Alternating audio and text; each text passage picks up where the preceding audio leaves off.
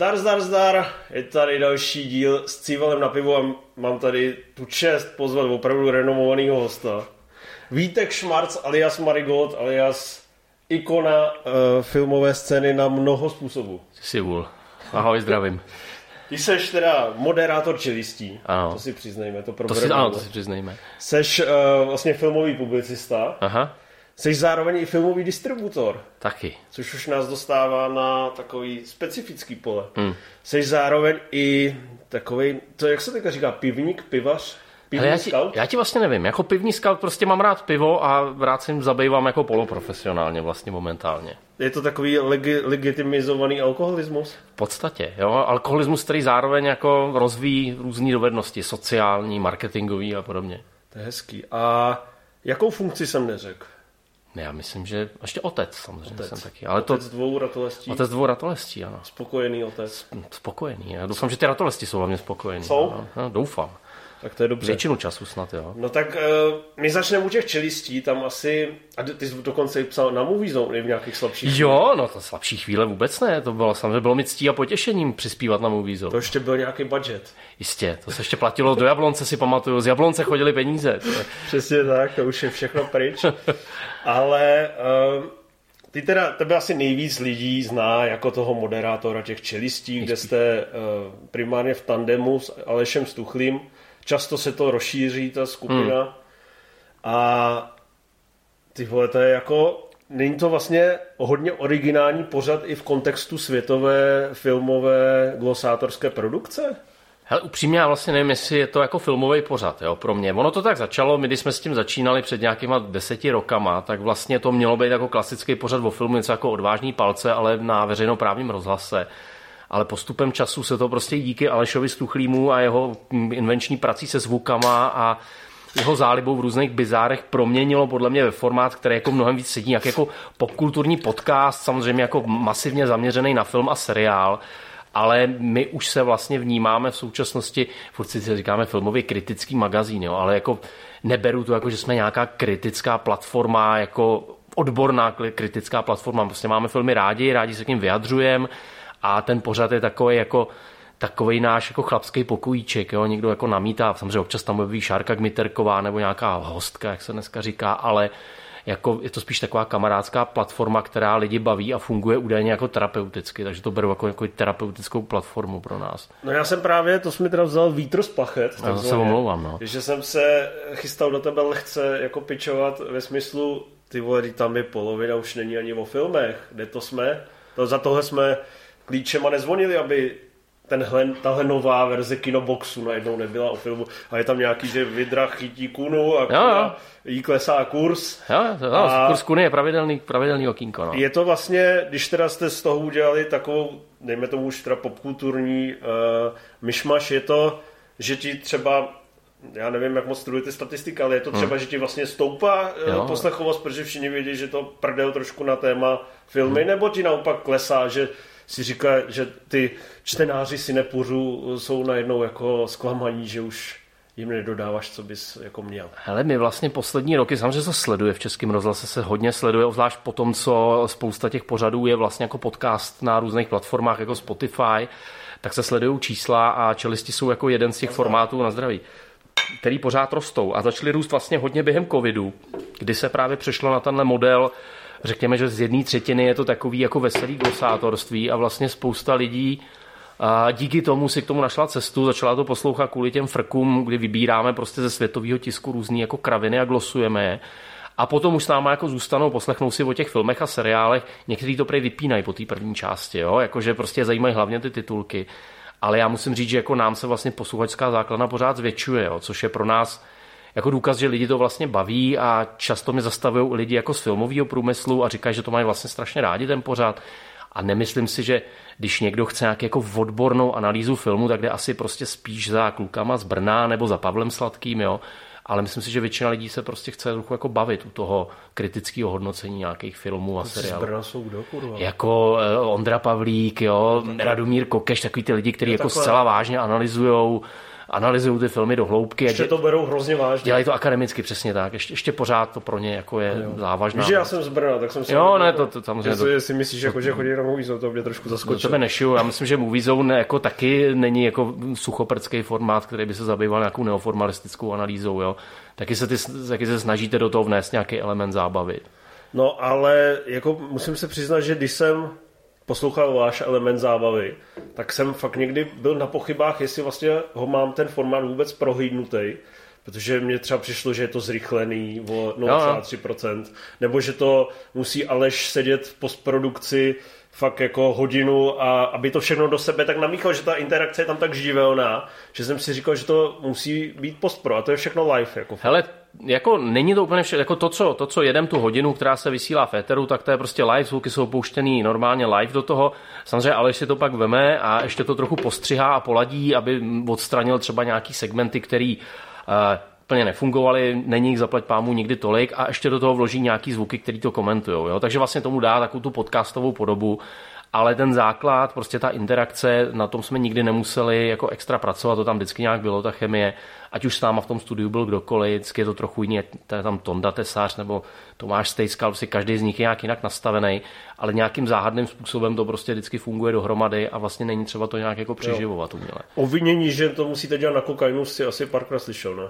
Taky, jaký, jako, často jsou dotazy, jako, jak, jaký matroš berem, samozřejmě Aleš, který v životě neměl ani kafe a po jednom pivu je opravdu, jak kdyby měl kokain, tak ten se samozřejmě vždycky brání, že žádný jako další substance nepotřebuje, že mu stačí jeho přirozená chemie, já to mám jako stejně. Život. Život, přesně tak. Mě to na ty čelisti jaký stačí, jo. se vybičuju vždycky za tím mikrofonem. Jo, no a vy jste na té veřejnoprávní platformě, hmm. což dává eh, jisté výhody, že třeba aspoň nějakou dílčí odměnu za to určitě máte. No, samozřejmě. No. Máte nějakou podporu, že si tam můžete občas natočit videjko hmm. a eh, neplatit kameramana ze své portmonky, ale určitě se stává takový to, jak říká Otačerný, co na to občan. Ne, ne, nepodrobí analýze třeba vaší relaci Xaver Veselý a neřekne to jako důkaz, proč Radio Wave upadá. Ne, nebyla, neproběhla tam nějaká takováhle kritická interakce ze strany občana, který platí veřejnou službu? Já na to furt čekám na tohle. Jako ku podivu za těch deset let se to nestalo vlastně nikdy. My jsme měli jako jediný výraznější průser já jsem jednou použil v nějakém kontextu slovo rákosník, tak kolem toho bylo mrzení a pak jsme si trochu udělali srandu. Jakože větnamská komunita se ozvala. Eh, ne, ozval se někdo z, eh, interně z rozhlasu, že to je na, na seznamu zakázaných slov, ale já jsem to použil jako v nějakém kontextu, jakože někdo označuje někoho jako rákosníky, ale i tak prostě je to jako zbudilo to, to vlaječku. Ne dospělý rákosníček. Ne, vůbec ne. A potom jednou se stalo, že byla nějaká anketa, jaký bude svět za 10 let a my jsme si pozvali Šimona Šafránka a Přemka Martínka, teď ještě Sartkamu a Udělali jsme si z toho trochu srandu a to se pak řešilo interně v rozhlasu, že nebereme vážně jako rozhlasový akce, ale vlastně jako, že by zvenčí přišel nějaký podnět na to nás prošetřit, to se nikdy nestalo. A ne, že bychom jako na to nečekali. Jo? My vlastně furt jako čekáme, kdy se to provalí, protože některé naše glosy, zejména rybky, jsou jako hodně na hraně. Takže furt čekáme, kdy se to stane a zaplať pámu. Asi nás poslouchají lidi, kteří chápou, že to je jako humor, byť možná extrémní. Xavere, ty ocasu, posvíci na ně. Dělej, tam najdeš, za, najdeš nějaký matroš. Zapni si nás, tam určitě bude, hele, Xaver, pojď, pojď do nás. Když to vytrhneš z kontextu, končej. Ani nebude muset. Cancel culture, jo, já bych chtěl, strašně bych to chtěl zažít. No, tak to je hezký. Tak uh, vy to děláte furt každý týden, 52 týdnů v roce. Máme nějaký reprízy, ale je jich málo. Je jich třeba jako reprízy, to jde reprízovat? O prázdninách reprízujeme třeba jednou, dvakrát a během roku taky jednou, dvakrát, ale eh, jinak to děláme fakt jako s železnou pravidelností a už se z toho stala taková součást jako mojí mentální rutiny, že když jsem dole v tom týdnu, tak vím, že ten čtvrtek mě vždycky zvedne, jo, protože je to prostě tenhle ten druh jako zábavy pro mě. Že myslíš, že vám to vydrží ještě chvíli? Hele, jako... Kde se vidíte za deset let? Ty vole, budu rád, že budu naživu, nebudu mít rakovinu a jako my vždycky děláme srandu, že dokud nás to nesežere, tak to prostě budeme dělat, ale samozřejmě jako hele, Wave je platforma pro mladý jo? a já se trochu divím, že máme spoustu mladých posluchačů. My jsme asi jako jeden z pořadů Waveu, který oslovuje i jako výrazně mladší posluchače. A samozřejmě se to trochu děsím, když začneme jako být tvrdě cringe pro ně, jo? což je takový jako strašák, že po té 40, kterou jsme, myslím, že vlastně všichni překonali, už samozřejmě hrozí, že dojdeš do fáze, kdy jako přestaneš být vtipný a začneš být trapný. Takže furt čekám, kdy to nastane a ve chvíli, kdy budu mít ten pocit, tak do toho hodíme vidle. No. Máte asi velkou výhodu, že na rozdíl ode mě nevypadáte na těch 40, že máte takový vyhlazený ksichty. A tak ty máš kocovinu teďka. Používáte nějaký krémičky. Já, nepodě... já samozřejmě používám, jako, jako jestli chceš, můžeme si promluvit o jako ranní údržbě fasády, ale... Musí sádlo, na Musí sádlo, ano, ano, tak. A samozřejmě ty kmenové buňky, jak Tom Cruise a a všichni jsme scientologové, pochopitelně zdravíme. Eh, byli jste někdy ve fázi, kdy už jste si s Alešem museli sednout a říct si, ty vole, tak tady už jsme jeli fakt moc, jako už... Hele, my vlastně... Vraťme to na koleje. Po každém, po každém díle máme takový ten, jako, já mu říkám, že úplně po každém, ale jsou prostě díly, kdy si sedneme a řekneme si, hele, ty ne, nebylo tohle jako moc, nebo ne, nebylo už to trapný a máme takový tendence to jako analyzovat. Jako my, my jsme poměrně, když se to nezdá, tak my jsme jako i dost sebe kritický lidi, jo? to, že kritizujeme rádi druhý, to je pravda, ale ve skutečnosti jsme trochu jako, máme v obavu, že třeba někdy jako překročíme tu linii a staneme se nějakou parodí sebe sama, že se snažíme prostě furt to nějak analyzovat a furt se bavit o tom, co jako ještě jo a co ještě ne, takže jako třeba i, i tu změnu toho formátu na ten glosovací, eh, na tu glosovací první část jsme jako řešili. Jak říkali jsme si, jak to má být dlouhý, jestli to už není moc, jako vlastně furt se ptáme, jestli, je to ještě, jestli se to ještě má vysílat nebo už ne. Uh, on to tuple Maleš moderuje s takovým jakoby nadšeným fanfanonským hlasem, nevím, jestli to popisuju správně. No, jo. Uh, to z vás spadá to nadšení, když máte smutný den? Uh, no, no naopak, jo. my jsme se shodli, jako, že xkrát tam jdem, že on je to ten čtvrtek, už je to ke konci týdne, je to večer, takže tam často jdeš vyčerpaný, máš nějaký osobní problémy, osobní propady, ale vlastně vždycky se rozhodí. Což vymýváte, ne? Jo, to tvrdí jako furt, jo, to je prostě furt zdravotní věci, partnerské věci, zdravíme naše partnerky, bývalé i, i současné, ale že vlastně pro nás, když se zapne to červené světlo, tak to najednou jak kdyby všechno zmizelo a prostě jedeš a cítíš se jenom svěží a když jsi hodně dole, tak paradoxně ty díly bývají jako nejenergičtější, jo, máme tu zkušenost. Takže jako v tomhle je to pro mě jako skoro nepochopitelný. Zkusil jsem pár psychoterapií a žádná nefungovala tak dobře jako čelisti. Hezký. Hezký. A um, vlastně ty, když vidíš třeba za ten týden, neříkám, že to vidíš v tom týdnu, předtím, než to natáčíš, prostě máš nachystaný čtyři filmy, hmm. máš uh, jeden dobrý, dva průměrný, jednu sračku, na který se nejvíc těšíš, až proberete? Já si většinou samozřejmě těším na ty filmy, které se mi, který se mi líbí, jo? takže já, já, mám vždycky ten pocit, že když vidím nějaký jako výjimečný film, o kterém se jako těším, že budeme mluvit, třeba Drive My, Drive My Car, jo? tak na to se fakt těším. Na, budeme probírat na ten jako tříhodinový románový opus. Takže vlastně vždycky mám radši formáty, kterým jako, když mě ten film natchne a vlastně mám o něm hodně co říct a ten film se mnou jako hodně mluví, tak se na to těším. Ale samozřejmě jako nejvděčnější jsou ty jako, jako velký hejty. Já jsem si moc užil teďka, vím, že jsme neudělali radost Luci Kajánkový jako hejt na, na TBH, že jo. To jsi si užil, jo? To jsem si užil, musím říct, mě to jako... Že vrážíš kudlu někomu do srdce. Ale já si třeba nemyslím, že vrážím kudlu, já si myslím, že jako seriál, který tady všichni chválí a všichni o něm básní, tak eh, to je takový ten pocit, že jako říkáš jako odvrácenou stranu měsíce, jako názor, který tady nezazněl.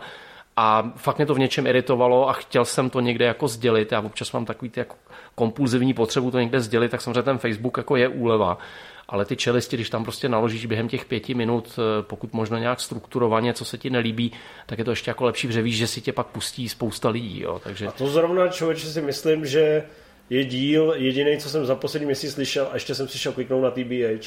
No vidíš jako, to. že, jsem, že to mě nalákal. Jo, jo, to je... zajímalo, jako, jaké argumenty jo. a jakou míru hejtu tam jako aplikuješ. Hmm.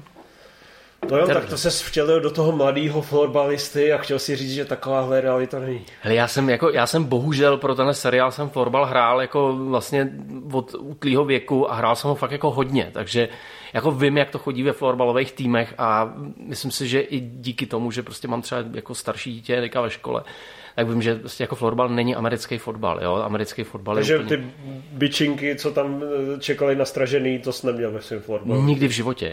Není, a nikdy jsem to jako ani neviděl. Chodili, že jo, holky. Holky florbalistů se chodili dívat, ale trochu ze slušnosti mi přišlo občas. Ne, některý fandili, jako, to zase nebudu, nebudu zlej. A to mě teda, když už jsme u tohle TBH, tak tam je vlastně, co mě, mě zaujal moment, že se to všude prodávalo, že je to o té kyberšikaně.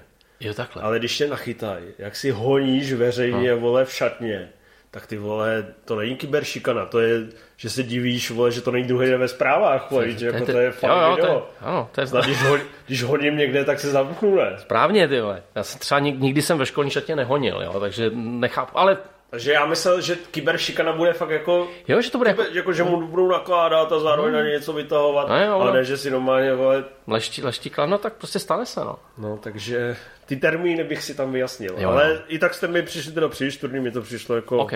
OK. Dobrý, no. no. Já to brát nebudu. Nevadí, nevadí. No, tak teď se posuneme eh, k, k druhé sféře tvého No. vlivu. A to je vlastně ta filmová distribuce. No. Ty seš, uh, jak, jak, co máš na vizice teda? A vy třeba mám jako trapně CEO, že jo? CEO, No, protože jsem jako oficiální jednatel společnosti, takže tam prostě něco tam mít musím. ne? CEO Artcamu, Ano. což vlastně distribuje tak uh, umělecky vyhraněné a v podstatě menšinové filmy, Hmm. že bych si ani nemyslel, že má budget na to, aby tam měl E CEO. No jistě, že nemá. No, To je samozřejmě takové, ale může vytvářet to zdání. Jako, jo. Takže jsi, jsi jako ředitel vlastně? Oficiálně jsem, Oficiálně jsem ředitel společnosti, ano. No a jak se ti žije jako ředitel Artcamu? Hele, jako Jak se ti žilo hlavně, zažil jsi to už před covidem? zažil jsem to před covidem. To se ti žilo asi, to se ti vlastně žilo tak jako s nadějí a se elánem. Hele, je to, je to vlastně strašně paradoxní. Já jsem před tím covidem, když jsem do Artcamu nastoupil někdy v roce 2018, tak jsem měl celou dobu pocit, že, že to nejde, že to prostě je jako hrozný práce a že ty výsledky nejsou nic moc. A teď, když si otevřu ty eh, jako, eh, exporty výsledků z těch předchozích let, dívám se na ty čísla, tak si říkám, tyjo, my jsme byli jako fakt úspěšní tehdy, jo, jako fakt se nám dařilo. A jenom člověk, jak byl prostě v, trošku v tom, v tom grindu, tak si říkal, tyjo, to není úplně dobrý. A teď, když to vlastně se podíváš s odstupem těch dvou covidových let, který fakt jako udělali jako strašnou paseku na tom filmovém trhu, tak si říkám, do prčic, my jsme fakt měli jako našlápnuto k tomu stát se jako úplně jako standardním, dobře fungujícím distributorem, sice jako náročných filmů, na který ale prostě chodili lidi, jako že Jakože chodili. Aerofilms Light, jakoby třeba. Jako, ano, Aerofilms hodně light, jo, protože Aerofilms samozřejmě má jako přesahy do toho mainstreamu, to my jsme měli nejvíc, když jsme měli dokument Free Solo, takže to, to prostě bylo jako ojedinělý. Počkej, to jste měli hodně, ne? To jste měli... To bylo jakých 16 tisíc diváků, To jo, jako to už. bylo samozřejmě dobrý, ale jako pro mě byl benchmark spíš třeba portrét dívky v plamenech, na který přišlo 9 tisíc diváků, což pro mě bylo jako hodně dobrý. A tehdy ne, tehdy jsem si říkal, mohli jsme mít víc a teď, když na to koukám, říkám si do prčic na prostě malý feministický artový film jako 9 tisíc diváků, to bylo dobrý období. A měli jsme pocit, že vlastně před tím covidem, že to byla taková kulminace těch našich snách, které byly jako dlouhodobý, jako udělat z artového filmu něco, na co stojí za to přijít do kina a jako mrknout na to a jako odejít nějak povznesený. Samozřejmě ten covid to všechno změnil, že? to je jako bez debat, že ten trh je najednou úplně jiný, diváci se chovají úplně jinak a teď si všichni drbou hlavu a přemýšlejí, co jako udělat.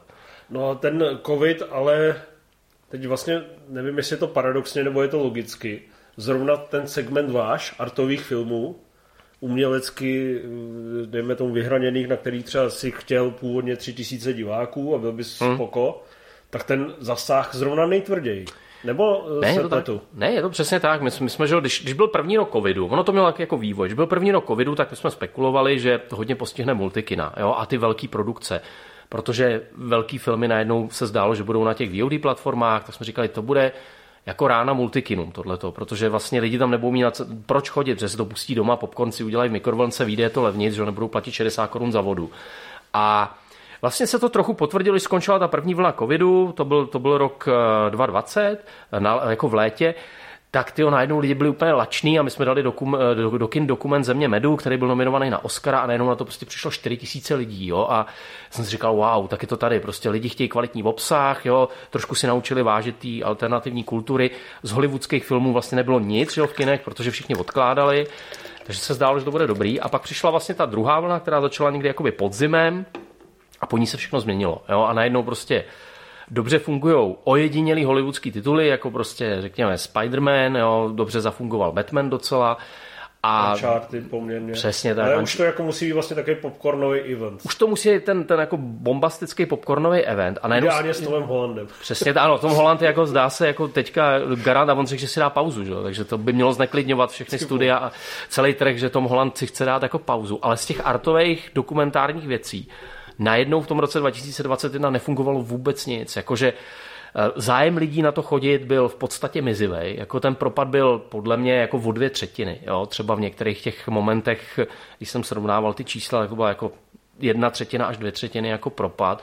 A my vlastně nevíme, co s tím, protože zdá se, že docela fungují streamovací platformy, tam se jako zvedly ty čísla, ale klasický kina, jako takový ty jednosálový, ty hrozně bojujou. Jo? Teď takový záchvěv naděje nejhorší člověk na světě, který měl jako krásný otevírací víkend na nezávislý film. Navíc si po předpremiérách hezkých. Přesně tak, takže ten prostě jako je takový, že ještě by to mohlo fungovat, ale musí to být teda jako, je to přesně jak v tom mainstreamu, musí to být výjimečný titul, který osloví široký spektrum publika. A najednou se zdá, že prostě ty lidi, kteří byli zvyklí chodit na ty náročné obsahy a jako konzumovat tyhle ty jako dokumenty a prostě artové experimenty, tak ty prostě jako radši sedí doma. Podle mě, já mám takovou teorii, že spousta z nich je úzkostných a berou antidepresiva, anebo by je měli brát a prostě se ještě nenastartoval ten sociální jako aspekt toho chození mezi lidi. Já sám jsem třeba, mě trvalo půl roku, než jsem šel zpátky do kina. Jo? Antidepresiva zatím nemám, ale jako taky jsem Což jeden z mála. Přesně tak, no. Tak, ano cítím se jako, jako poslední mohikán, ale jakože mi fakt trvalo se, se donutit a mám pocit, že to, to si těm lidem to trochu odjelo, tenhle ten sociální návyk a uvidíme, jestli se, jestli se to jako vrátí. Dělali jste si na to výzkumy, nebo je to spíš jako jak to cítíš, nebo jak to vidíš? Ale jako já můžu vycházet z dat, který se vracej, vracej jako přes reporty z kin a můžu vycházet z toho, jak se třeba bavíme s Jirkou Flíglem, který samozřejmě je to jako pro mě jako ta kinařská ikona, jako člověk, který dělá fakt skvělý program v kině Aero a podle mě fakt tohle má jako zmáknutý a ví, jaký typ lidí mu tam chodí a myslím si, že se jako naše pozorování proměny toho trhu se docela shodujou. Jo. jo. A jakože prostě třeba dejme to prostě třetina dál chodí, třetina jo. už se naučila ty dokumenty konzumovat přes streamy a třetina prostě třetina nechodí do kina. Zmizela, jo, jako, když, když to řeknu jako hodně, hodně by oko, tak nějak takhle část lidí podle mě se jako vypařilo a část lidí je prostě v digitálu, no. Čas lidí se vypařil. Čas lidí, tak ne. Po covidové pandemii ano, trošku eh, To je trošku jako lusknu prstem ten Thanos a, a lidi se vypařili prostě. Dobře, no tak to je, no a, no a takže, ale ty se s tím naučil žít a depresi si nepropadl. Jako, kdybych propadl depresi, jako, samozřejmě jsem měl prostě ke konci roku období, jsem si říkal, hele, já už nechci zažít to, co jsem zažíval od roku 2015, kdy jsem do té distribuce přišel a řekli jsme si, že začneme budovat nějaký prostě artový brandy a začneme víc pracovat na tom, aby lidi chodili na náročný art a říkal jsem, že já už to nechci dělat znova. Ale jak po novém roce prostě jsem měl takový, jako, takový moment, si říkám, Hergot, ještě to zkusím, jo, ještě tomu jako dám. A chvilku se zdálo, že to půjde, jako, ale teď už mám zase takový, si říkám, ty jak to bude vlastně vypadat během toho roku. Jo? Má to ještě vůbec cenu jako držet tuhle tu linii distribuce, nebo prostě lepší se na to vykašlat a jít dělat něco jiného. Samozřejmě se na to nakonec nevykašlu, protože mi to bude líto, ale jako mám takové myšlenky, jo, ale snažím se tomu nepropadat. Ty vlastně to děláš i z pozice nejen filmového publicisty, ale vlastně bych řekl skoro až fanouška, hmm. že k některým těm, což vlastně taky eh, předjímá že jeden aspekt, že ty vlastně hypíš filmy jako publicista, který pak sám distribuuješ. Necítíš se u toho v konfliktu zájmu? Jasně, že jo. My tohle to řešíme od roku 2015, kdy jsme začali dělat festival B2 Cannes s Alešem a e, jako je to hrozně složitá pozice, protože ty se snažíš jako filmový kritik jako vypíchnout nějakou výjimečnou kvalitu a pak vlastně chceš jako distributor, aby se ty filmy objevily v kinech a lidi měli možnost s tebou jako navázat nějaký dialog že my jsme si udělali v době B2K nějakou chartu, jsme si řekli, že nebudeme mluvit o filmech, který, se kterými jsme spojení jako distributoři. Což jako fungovalo dobře do fáze, kdy jsme byli s Alešem jakoby v, jako jed, v jedné společnosti. Ve chvíli, kdy on vlastně odešel zpátky do Českého rozhlasu a já jsem zůstal v distribuci, tak prostě dochází k situacím, že on se natkne pro nějaký film, já se pro ně natknu taky já o něm nemluvím, ale objeví se v čelistech jako velmi chválený a teď lidi si myslí, že jsem to jako prosadil já, jakožto distributor. A ono to jako fakt tak není. Já se snažím o těch filmech prostě zdržet se komentářů, komentuje na ČSFD, komentuje na svém Facebooku, ale snažím se nekomentovat jako veřejnoprávně. Ale samozřejmě, jako já chápu, kdybych eh, to používal jako nějakou reklamní platformu pro filmy, na který chodí desetitisíce lidí, tak je to jako asi jako hodně špatně. Ale tady se fakt bavíme o jako stovkách diváků a navíc prostě o titulech o kterých já se snažím nemluvit. Jo? Takže jako konflikt zájmu, jasně, cítím tam nějakou No je to jakoby tak míru asi třeba teďka vlastně si jako film roku jste vyhlásili na cestě, ne? Mm-hmm. Což je vlastně to už, teď to šlo do kin teď to šlo, před 14 dnama, Před 14 dnama to šlo do kin. Tak tam vlastně by se to nabízelo, ale je pravda, že je to taková sféra vlastně tak málo diváků, že je to asi rozdíl, než kdyby Tomáš Hoffman za působení v Cinemě napsal, že ženy v běhu jsou komedie. Jasně, ale je, je, to taková anekdota, protože ten film viděl první Aleš v Karlových Varech, hrozně ho vyhypil a já jsem jako přijel do Varu, šel jsem se na něj kouknout a na základě prostě nadšení, který ve mě ten film zanechal, jsem ho koupil. Jo? Jako do distribuce jsem si říkal, to je debit, který prostě chci, aby, aby tady v té distribuci byl. Načež Aleš, prostě, který byl pro ten jako opravdu extrémně nadšený, vlastně jsme dělali žebříček filmů, kde, kde, děláme to většinou ve dvou, třech lidech, tak prostě řekl, že ho chce na prvním místě. Že? A já jsem se jako to nechám být, protože on je, on je jako redaktor čelistí, jako ten kmenový zaměstnanec Českého rozhlasu, takže ať už to prostě vyznělo jakkoliv, tak to nebyla nějaká moje iniciativa, že já bych strašně chtěl, aby jsme ten film, který distribuju, vyhlásili filmem roku. Pro mě to film roku je jako tečka, ale nějak jsem na to netlačil. Jo? A chápu, že to prostě budí nějakou míru jako eh, kontroverze nebo nějakých otázek, ale no, rád to vysvětlím. No. Asi silný slovo, to ani většina lidí to asi nezaznamená. Já ale, si taky myslím. No. Ale eh, spíš mě to jako zajímá, stejně tak mě zajímá vlastně, že když ty si tam kupuješ nebo jsem hodně zjednodušil, když ty prostě se pokoušíš o akvizice filmů, který si ti fakt líbí, máš tam nějakou oponenturu, který ti řeknou, uh, hele, já chápu, že si chceš koupit svůj film, který se ti líbil, ale na to nikdo nepřijde? Nebo uh, prostě fakt to bereš podle toho srdíčka do velké míry? Hele, jako většinou to beru podle nějaký, já, já pro ten film potřebuji být nadšený, protože jako popravdě jsem asi měl možnost koupit filmy, které by byly divácky úspěšný, jo, ale třeba filmy, o kterých jsem měl pochybnosti a neměl jsem pocit, že by to bylo jako něco, co bych nebuďte, dělal s chutí. Nebuďte slušný, řekněte Nebuďte slušný. Ne, tak třeba jako třeba jeden příklad. u nejhoršího člověka na světě, já jsem měl scénář, přečet jsem ho a říkal jsem si, tyjo, tohle není film, který by mě asi oslovil, i když to bylo jenom podle scénáře. Takže eh, i když ta možnost jako koupit ho byla, tak jsem jako řekl, že ne, že to, tohle kupovat nebudem, protože mám pocit, že ten film ve mně nezanechá žádný dojem. As, jako, Ty jsi tomu dal tři z pěti, ne? Jo, se to potvrdilo. Jako já prostě s tím mám nějaký problém, ten film je, jako není, není vůbec špatný, je samozřejmě pozoruhodný v tom, v tom žánru těch jakoby romkomů, ale nenatchnul mě. Jo? A najednou v této chvíli jako já nemám ten pragmatismus, já prostě zůstávám nějakým způsobem jako spíš kritikem v, tý, v, tý, v tom momentu, že si řeknu, no, na to by možná jako lidi přišli, ale prostě to není ono, jako není tam to srdíčko, no. takže to pak dopadne, takže koupím filmy, ve kterých to srdíčko mám přijde na ně jako 2000 lidí, že jo? v lepším případě. Uh, tam je docela důležitý faktor při téhle distribuci i grantový systém, jestli se nepletu. Mm, ano. A ten uh, hlavně jakoby evropský nebo je český, nebo obojí dohromady? Kombinace obojího, protože Máme tady distributory, který se tváří, že žádný granty neberou, ale je to nesmysl. Jo? Popravdě ve chvíli distribuješ... Když přišel výpis grantů, tak jsem tam viděl všechny distributory. Ano, přesně tak. A vlastně i ty mainstreamové tituly, který Uh, teď se to přesně nebavím, vím, že jakoby třeba tři tituly z 20 to nedostali a to už byl vyloženě Mstitel, Jaroslav ano, ano. ale že i na Betlemský světlo v podstatě dostaneš grant, ne? Jistě. Jako na jakýkoliv distribuční titul máš oprávnění dostat grant a ono samozřejmě jako funguje tak, že když máš ten film obrovský, tak máš prostě milionový budget nebo milion, v, v řádu několika milionů třeba, tak ten grant je jako plivnutí do vody, že, že tě to jako nespasí. Ale opravdu, my když děláme tu malou artovou distribuci, kde se ty rozpočty pohybují mezi, řekněme, 400 až 500 tisíci ze vším všudy, tak už ten příspěvek z toho fondu je důležitý a samozřejmě důležitý je i příspěvek z Evropské unie, protože tam má prostě schéma, který generuje za každou prodanou stupenku si jakoby spoříš a potom ty peníze, které ti to vygeneruje, můžeš reinvestovat do jiných filmů, což je dost důležitý, protože eh, jako nakupovat jenom na základě toho, co vyděláš v kinech a na VOD platformách, tady u těch malých filmů by bylo ekonomicky neudržitelný. Takže vlastně nějaká forma podpory z Evropy i z fondu kinematografie, který se třeba skvěle zachoval během covidu a fakt podržel ty distributory i kina. A myslím si, že nebejt jako filmu kinematogra- fondu kinematografie, tak tady spousta kina distributorů už nebyla tak eh, jako díky tomu to funguje ještě ten ekosystém trochu. Jo. Takže práce filmového distributora je teda objíždět festivaly, mm-hmm.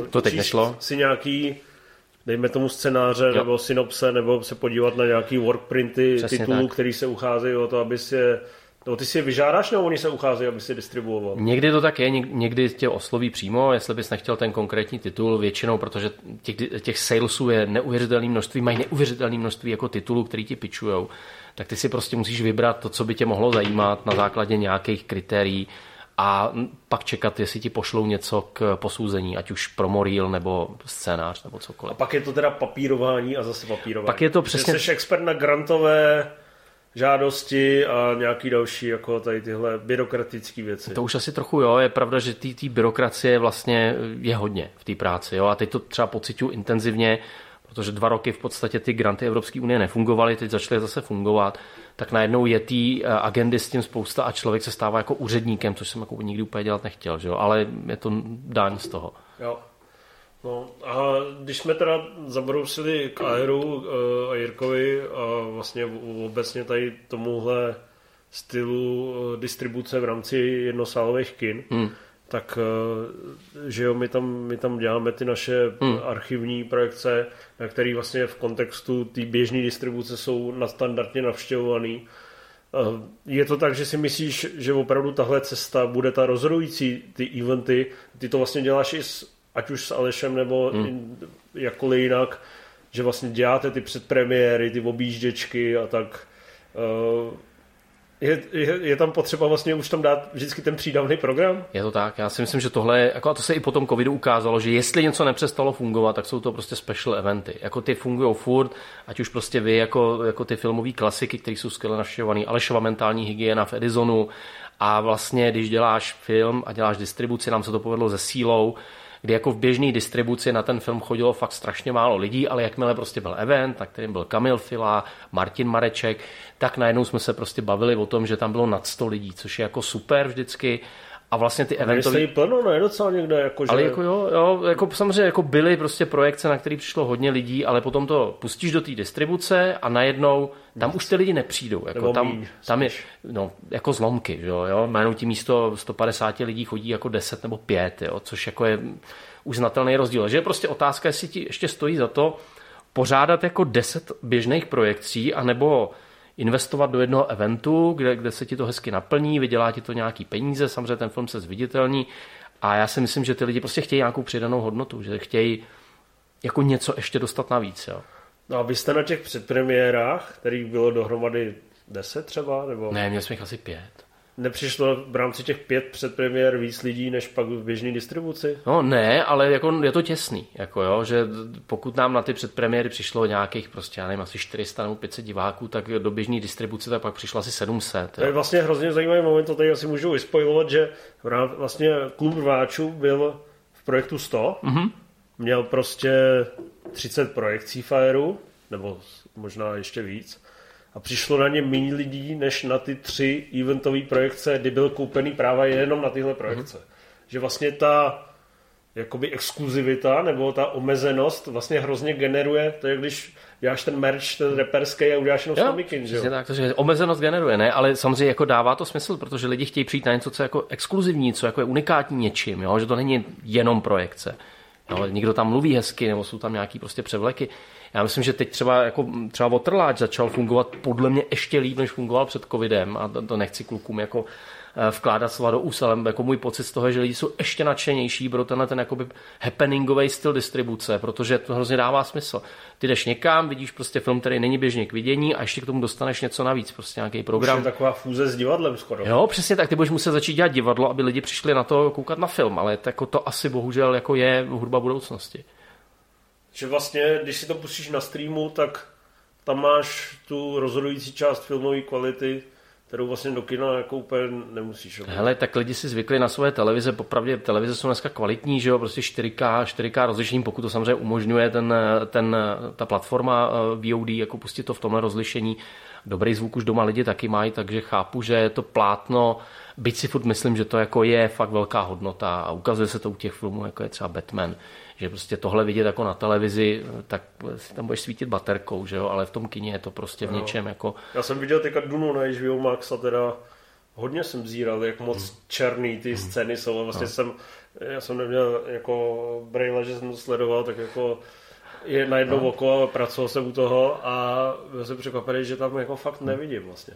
Přitom, když eh, jsem to viděl v kině, tak jsem fakt jako Přehled, no, a... Tak to není prostě to super, že to nejsou filmy pro televizi, pak si prostě pustíš ty filmy na Netflixu. Ale otřesný, jako já jsem teď pouštěl Černýho kraba, protože mám rád prostě severský žánrovky. Já to prostě nechápu. Jako, a těch filmů jako podobných, podobného typu, bez dramaturgie, bez jakýkoliv dramatického oblouku, bez postav, bez napětí, tam prostě fakt je jako jeden do týdne, že jo. A mně, tohle to vlastně přijde, že... Ale jsou tam hvězdy a vypadá to draze. Jasně, jasně, jo. Ale mě třeba štve i Steven Soderbergh, protože mi přijde, že ty dva filmy, co jsou na HBO Max teďka, eh, žádné prudké pohyby jak Kimi, že jsou jako oba totálně jalový. A já mám Soderberga Fakt, opravdu rád. Jako mě já ani... jsem hodně viděl to ledem to se ti to, to se mi líbilo, to se mi líbilo dost. Jak no. se to jmenovalo? Nechte je všechny mluvit. Nechte je všechny mluvit, to si pusté, to je na to, že to usedlá skromná konverzačka, je to fakt super. Jak brilantně napsaný. A tady najednou mi přišlo, že Soderberg už tak trošku jako jede, takže prostě dělá žánrovky na zakázku. No. No, tak, uh, já jsem tě vlastně jsem zval před čtvrt rokem právě na poput uh, trošku na, na motivy síly. Na motivy jsem věděl, že je to váš hmm.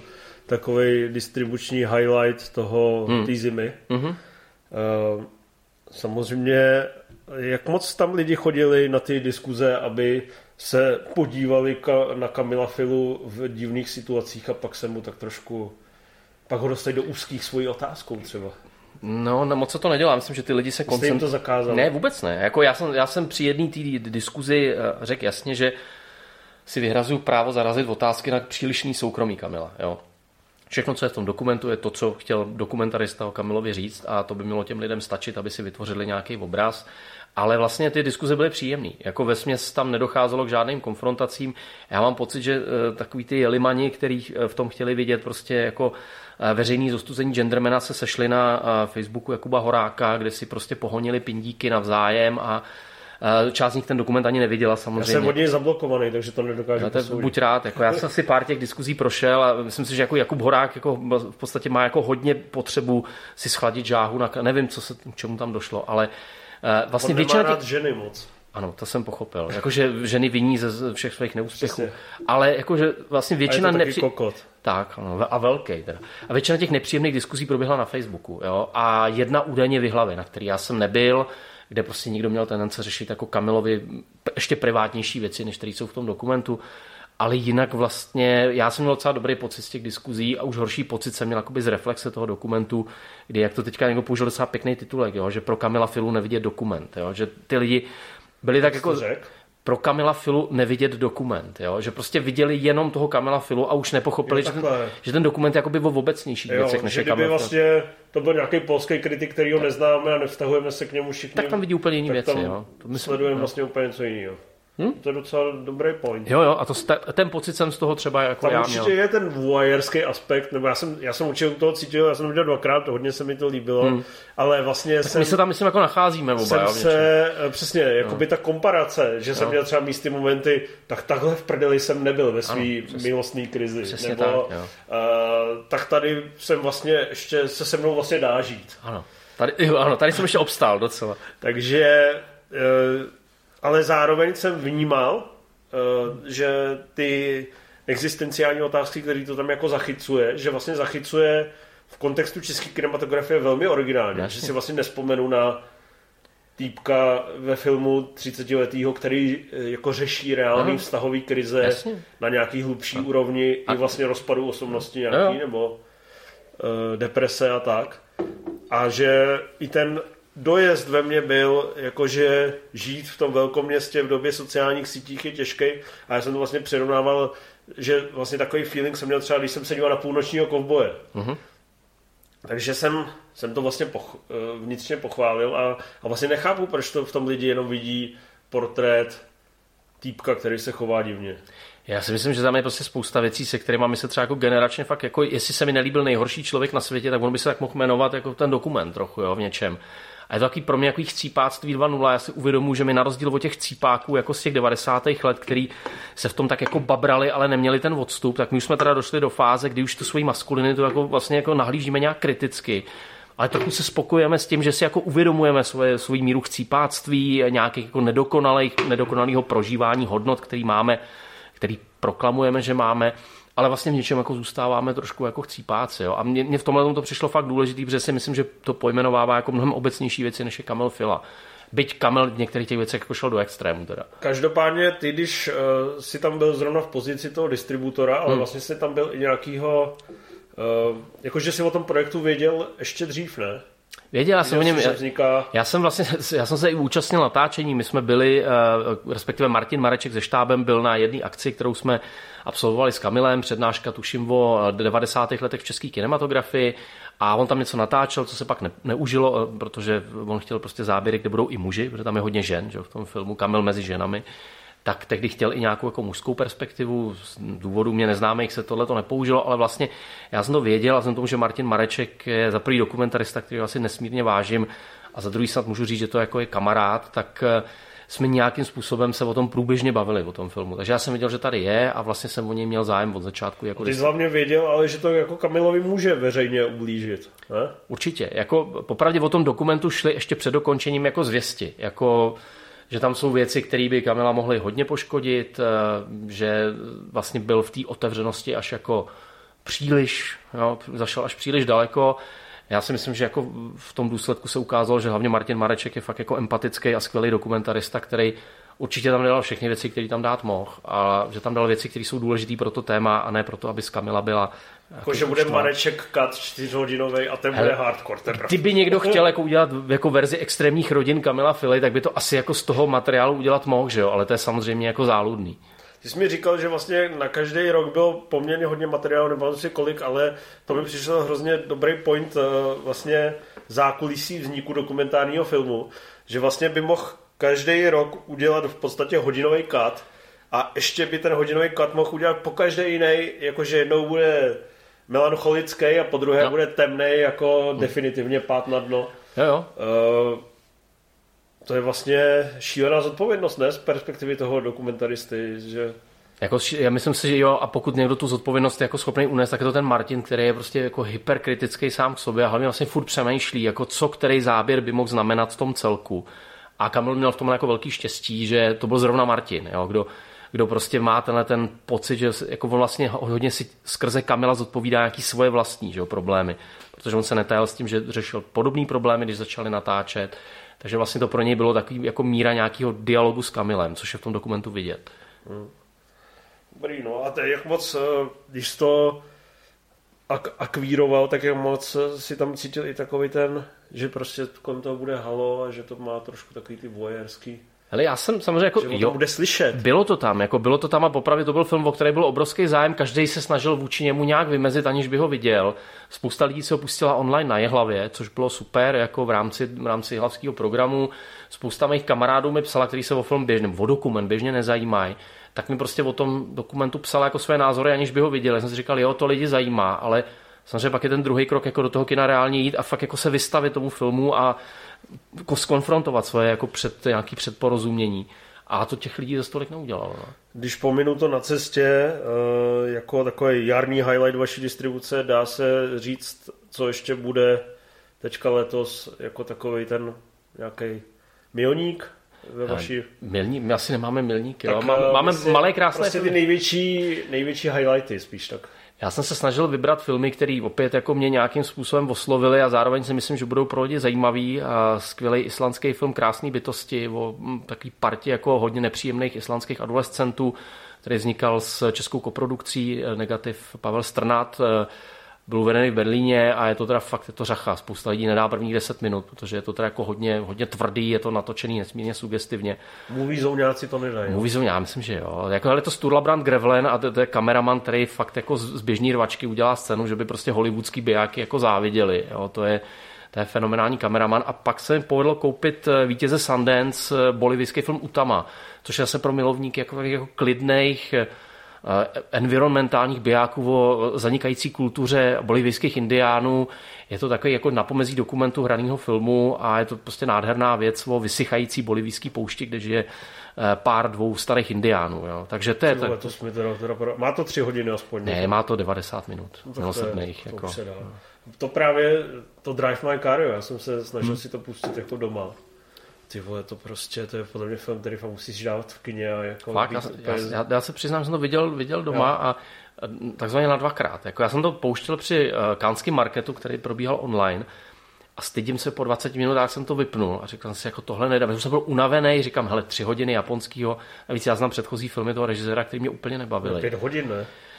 Eh, ten předchozí, co byl v Berlíně, měl asi dvě až čtvrt hodiny, ale byl to prostě povídkový film, který jsem dokoukal hodně se sebe zapřením, protože mě to fakt nebavilo. A teď jsem si to pustil znova, když už to teda jde do těch kin a má to ten hype.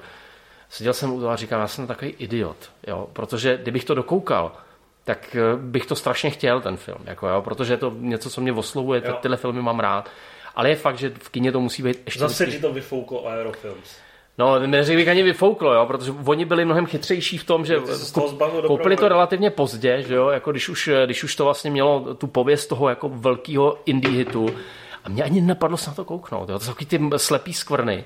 A teď, jak jsem si to pouštěl, říkám, proč jsem si to vlastně nepustil před tři čtvrtě rokem, jako jo, pro, jsem mohl, jako jo. A tohle mi občas naštve a je to přesně ten, jako ta stěná stránka práce distributora, že máš jako spoustu papírování a pak ti unikne něco takhle výjimečného. Hmm.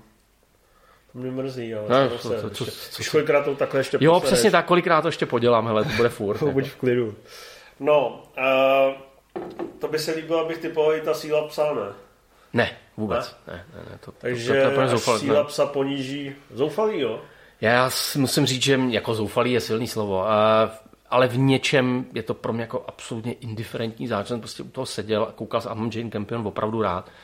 Koukal jsem na to, říkal jsem si, jako chápu, co na tom lidi mají, ale vlastně nechápu, já jako vlastně co, nechápu, co krom nějaký obsese teda tímhletím jako trochu genderbender pohledem na western, který krásně, Sameliot, ne, jak se jmenuje ten, ten starý kovboj, jak to odsoudil, že na divokým, jak na divokým západě ty eh, jako gejové nebyly a je to točený na Novém Zélandu. No tak, gays allowed. Tak, přesně, jako v bojové nemají být teplý, jo, ale tak ten problém s tím nemám, ale spíš mi to přijde jako taková jaká jako žánrová hra, která by mě nezanechala vlastně vůbec žádný dojem. No a díky čemu, když teda tomu rozumíš, díky čemu to prostě má ten obrovský Oscarový hype a vlastně to pozbírali prostě těch 160 cen. Jako je to, může tam ta LGBTQ lobby v tom mít nějaký jako prst? Počkej, teď jsem jako nemyslel, že hey. to nějaká lobby, ale jestli to téma uh, vlastně nahrávající té době uh, v tom má nějaký výrazný prsty, nebo prostě to fakt jako nevidím tam tu výjimečnost a jsem zapadněný. Jane Campion určitě jako je výrazný faktor, proč to, se to dočkává taky uznání, ale zároveň je tam prostě ten twist v tom žánru. Je to jakoby jiný, jiný pojetí toho žánru, že jo, který je v něčem tradičně hodně maskulinní, jako mačistický a najednou prostě přijde poetický film, ve kterém jako jsou kvalitní herci, jo, byť třeba o výkonu Benedikta Cumberbatche mám problémy, když to jo. Jesse Plemons, který se z toho filmu úplně záhadně vytratí v průběhu, podle mě jako největší silou toho, toho, toho snímku jako takového. Ale jako fakt to zahraje. Tohle, když najednou prostě přijde žena s takovým podvratným žánrovým filmem, já si myslím, že to je spíš miláček kritiku než miláček diváku. Jo? Že ty kritici si to tak jako vyšlechtili, že tohle je ta událost, na kterou se dlouho čekalo. Jo. A jako jsou bíjet. Jo? Že je to vlastně taková dekonstrukce jako nesměřitelný, akorát jo? 20 let později. Jo, přesně tak, jako ukázat, že ten, že ten žánr, jako, jako ten reclaim, že bereme si zpátky něco, co mělo nějakou pověst a po desetiletí se točilo nějak konkrétně, tak to natočíme úplně jinak a opřeme to o úplně jiný jako hodnotový žebříčky a o jiný témata. Jako asi to dneska funguje. Já mám pocit, že téma dneska často u těch filmů hraje, anebo nějaká woke agenda, hraje vlastně větší roli třeba při recepci u těch kritiků, hlavně amerických, než eh, nějaký jako reálný pohled na to, jak to třeba dramaticky funguje. Jo. No, když eh, když teda teďka přeskočím úplně jinam, přeskočím do tvých uh, raných let, kdy se ti formovaly ty hodnotné žebříčky, kdy jsi věděl, že uh, při jaký, v kolika letech a při jaké události, že film bude teda tvým životem trošku? O tom přemýšlím. No. Pro mě jako, jako zásadní filmy byly asi v podstatě dva a to bylo, eh, to byl Amarcord rozhodně, eh, který mě, na který mě vzala máma, pokud se správně pamatuju. Kolika? To ještě neřeknu. Já si pamatuju velmi intenzivně, že první film... Musel chytrý, ne? Že jsi to pochopil. Ale já myslím, že to bylo už někdy na střední škole třeba. Jo. Jo, to jako, a hlavně my jsme měli doma knížku Amarcord, kterou já jsem jako čet, takže jsem byl připravený. Na kozy. A Přesně tak, jako si paní trafikantky byly pro mě, ale fakt to bylo jako vlastně nějakým způsobem, když, si, když mi řekneš, co si představíš pod pojmem jako dobrý film, tak si představím kozy paní trafikantky a prostě masturbace v autě, protože se to spojovalo s nějakýma jako problémama, který jsem tehdy řešil.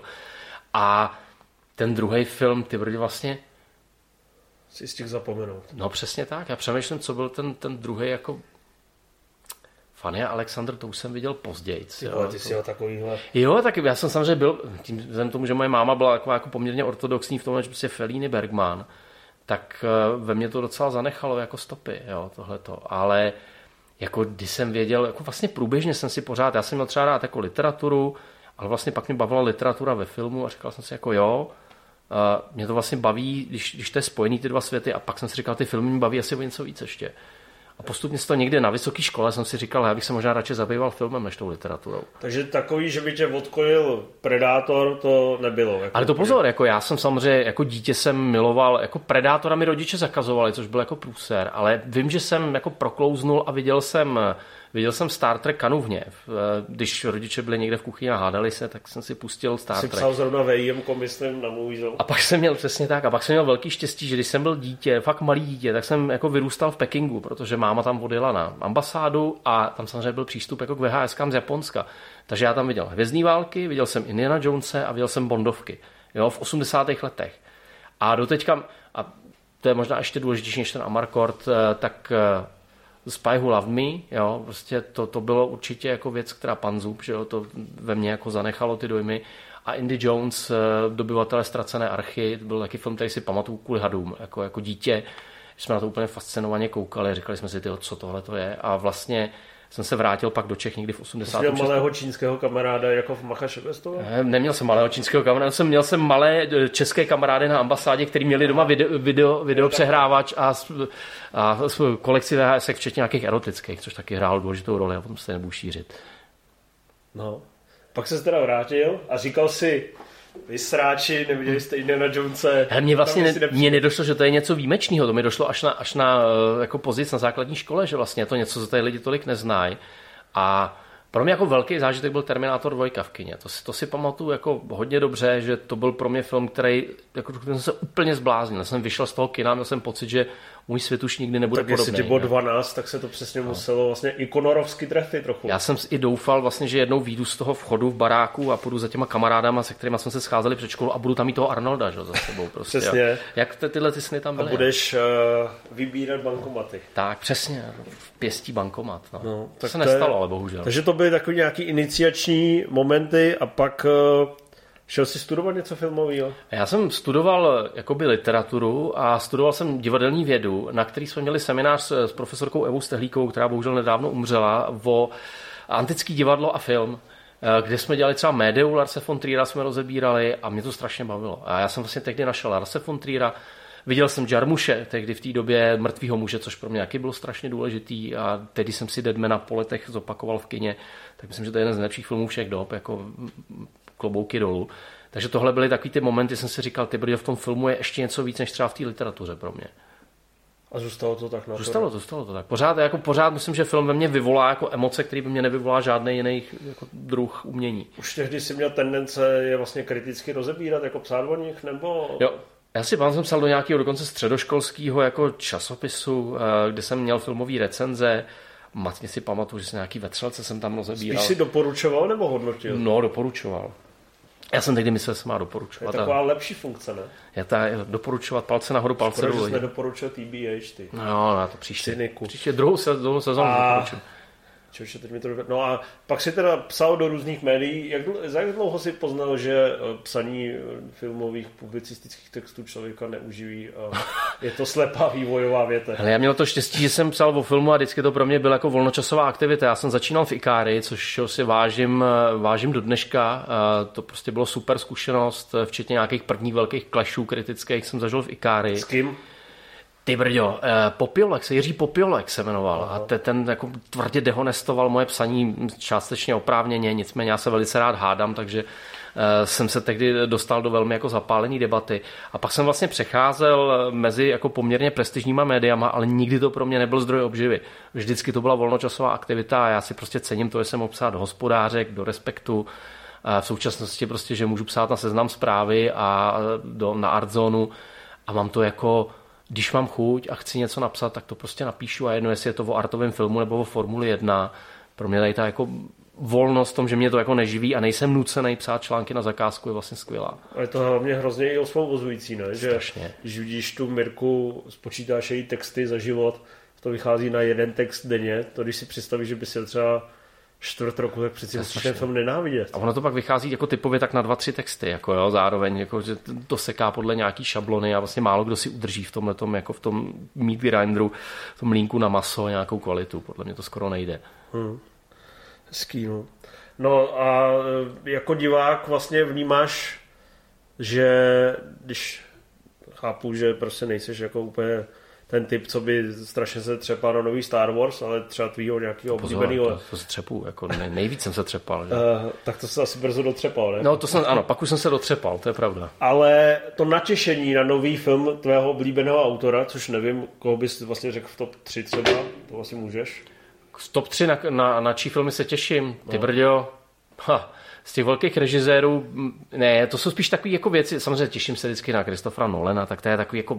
I Ale když, i z malých, jestli se z malých, Seidlovec nebo Hanekovec. Ale jasně, tak na nový film Ulricha Seidla se těším a v podstatě na veškeré filmy autorů, jejichž předchozí věci mě nějakým způsobem nadchly, tak mám tohle to strašné těšení a že se fakt jako furt koukám na trailery, že to prostě není, že bych se toho vzdával, jako já jsem fanoušek Marvelovek, já jsem, nebo byl jsem fanoušek Marvelovek, ta nová fáze už mě tolik nebere, takže se jako třepu na, na, na věci jako nový Doctor Strange, mě to prostě strašně zajímá, protože... Že slety to prostě, to jsem se chtěl zeptat, slety to vůbec neokorává. Ne, vůbec ne. Já... Řekl, už jsem viděl všechno. Hele, já třeba jako mám... A není to Bergman. Já mám prostě furt třeba, teď jako z Duny jsem byl nadšený tak strašně, že mě to úplně jako, dost mě to naplnilo, Batman mě taky natchnul a uh, vlastně jsem byl strašně nadšený, že na to budu znova, jaký to těšení se nevokorává to ve mně, jako v ničem.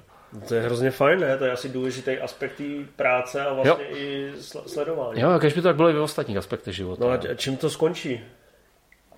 Smrtí, smrtí. Budeš starý nebo uh, Ale já vůbec, smrtí? já vůbec nevím. Já myslím, že tou smrtí to asi skončí. Já myslím, že tohle je něco, co tě fakt může držet do, do pozdních jako let. Doufám, že to neskončí těma předčasnýma odchodama eh, pravidelnýma na cigaretu nebo na panáka. Jako to u některých jako končí. Takže bych jako rád zůstal nadšený spíš tím filmem, než nějakýma návykovými látkama. Rozumím, rozumím.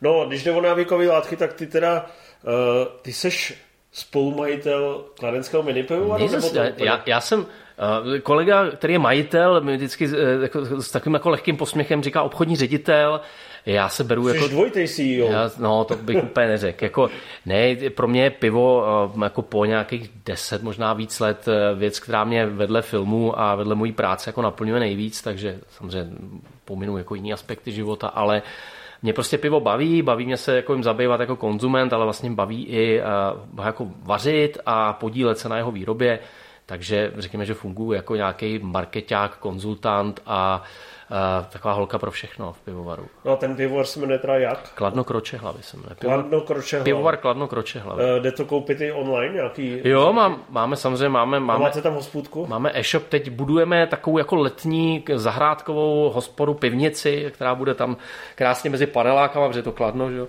tak to musí být s panelákama a budeme tam mít krásný posezení a lidi si tam budou moct koupit pivo a možná něco k jídlu a budou strašně spokojení. A to kladno je nádherný samozřejmě. No, to, to, to je tam náš kolega Šušika, takže my tam přijedeme si možná no, trošku. To, to přijďte, samozřejmě to tam jde nádherně, ale v 10 musíme zavírat, že jsou nasraný lidi v panelácích kolem, takže prostě v 10 jo, to musí padnout a jít se chlastat jinam. Já mám spousta non-stopů, ale... A pivního skauta ještě děláš nebo ne? Pivního skauta dělám už tak jenom jako nějakou volnočasovou Jednou aktivitu, že, že někam, někam jdu ochutnat pivo. Samozřejmě Petr to neřekne, jsme spolu dělali takový krásný pořad o pivu. Jsme objížděli pivovary a pili jsme tam pivo a pak jsme vždycky říkali něco hezkého o, o tom místě. Pak jsme se pohádali. Pak jsme se, pohádali, pak jsme se pohádali s Karlem Blabačem, kterýho zdravíme tohle cestou, jo, z něho už je venkovaný, jeho český vidlák, ale bylo to nádherný období. No, tak uh to, mě to trošku zní, jako že ty pivo a filmy fakt vydrží jako takový. Hele, jako takový, jako, buď tě zabije dřív film nebo pivo, nevím. To jako, nevím, co má větší šanci. Taková sůl života ti vydrží až ne. do té smrti. Ale já mám vlastně jako nejspokojenější uh, pocit, že můžu přes den po práci si zajít na dobrý jako čepovaný pivo a večer si pustit nějaký dobrý film, uh, tak uh, vlastně jsem docela spokojený člověk v té chvíli. No. Ty vole, to je, to je recept.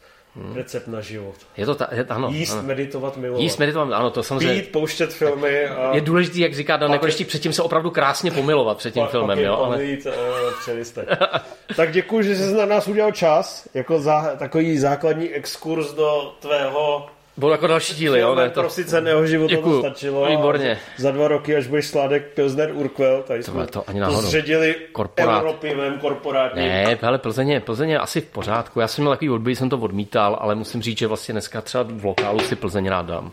Tak jo. Tak děkuji, že jsi přišel a snad to lidi i bavilo. No, já myslím, že ne, ale to nevadí. Mějte se hezky. Čau.